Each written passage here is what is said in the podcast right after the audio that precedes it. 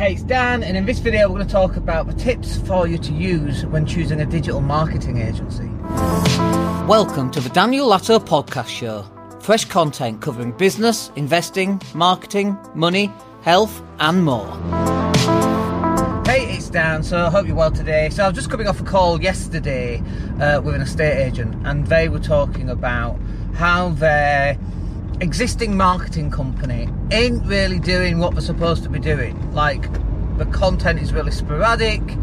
The images that go out are just basic images. There's nothing on them. Um, you know, like for example, when we put images out for our property clients, it's got price, location, benefits, yield, what makes this property so good, and so on. And it's not just about inconsistent content that they were kind of complaining about. It is the lack of creativity on content.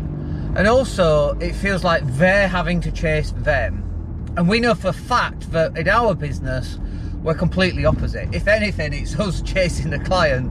Come on, what else have you got? What other properties have you got? What else are you doing? Take a quick 30 second video of a property that you're going out to see, or whatever, right? You know, if you've got a, a, a two bed flat at aspect 14 in Leeds, you should do a little video about the fact that you're aspect 14 in Leeds it's a two bed it's coming up for sale and it's about to be listed. That is what is interesting to people who are looking for a two bed flat in that location in Leeds at that point in time.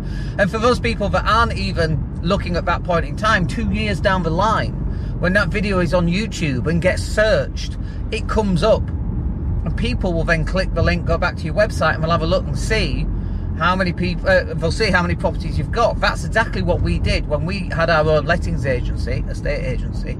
You know we ranked number one for that key phrase. We we actually drove a lot of traffic every single day because that particular development is really popular with the far east um, um, sorry middle east students coming over from Kuwait and Saudi Arabia to study at Leeds Uni. So we knew that and we ranked really well for that on my old website. And so it's going to be similar for you as well, whatever business you're in. You might be an estate agent or you might be something else. But this is about uh, you ranking um, as much as possible for those keywords. Or it's about you showing up in front of people on their social media feeds. And when you're choosing a social media agency to put your content out there, one of the biggest things biggest, biggest things is to be consistent as possible. Like I'm just turning up at CrossFit now, and uh, this is day number five. It's Friday. Um, I feel it already. I feel the differences. Lost weight, and uh, was at the start of February right now. Uh, but before now, back in January, I was very, very inconsistent, and so my results were going to be inconsistent. And it's exactly the same in marketing um, completely the same. If you're not consistent with your content production and your content scheduling, you're not going to get the results. And that comes from a combination of both you doing the work, but also your digital marketing agent saying, come on, give us, give us some more stuff. anyway, we are at CrossFit, so we'll catch up with you on the next video. Have a great day, and I'll speak to you soon. Take care.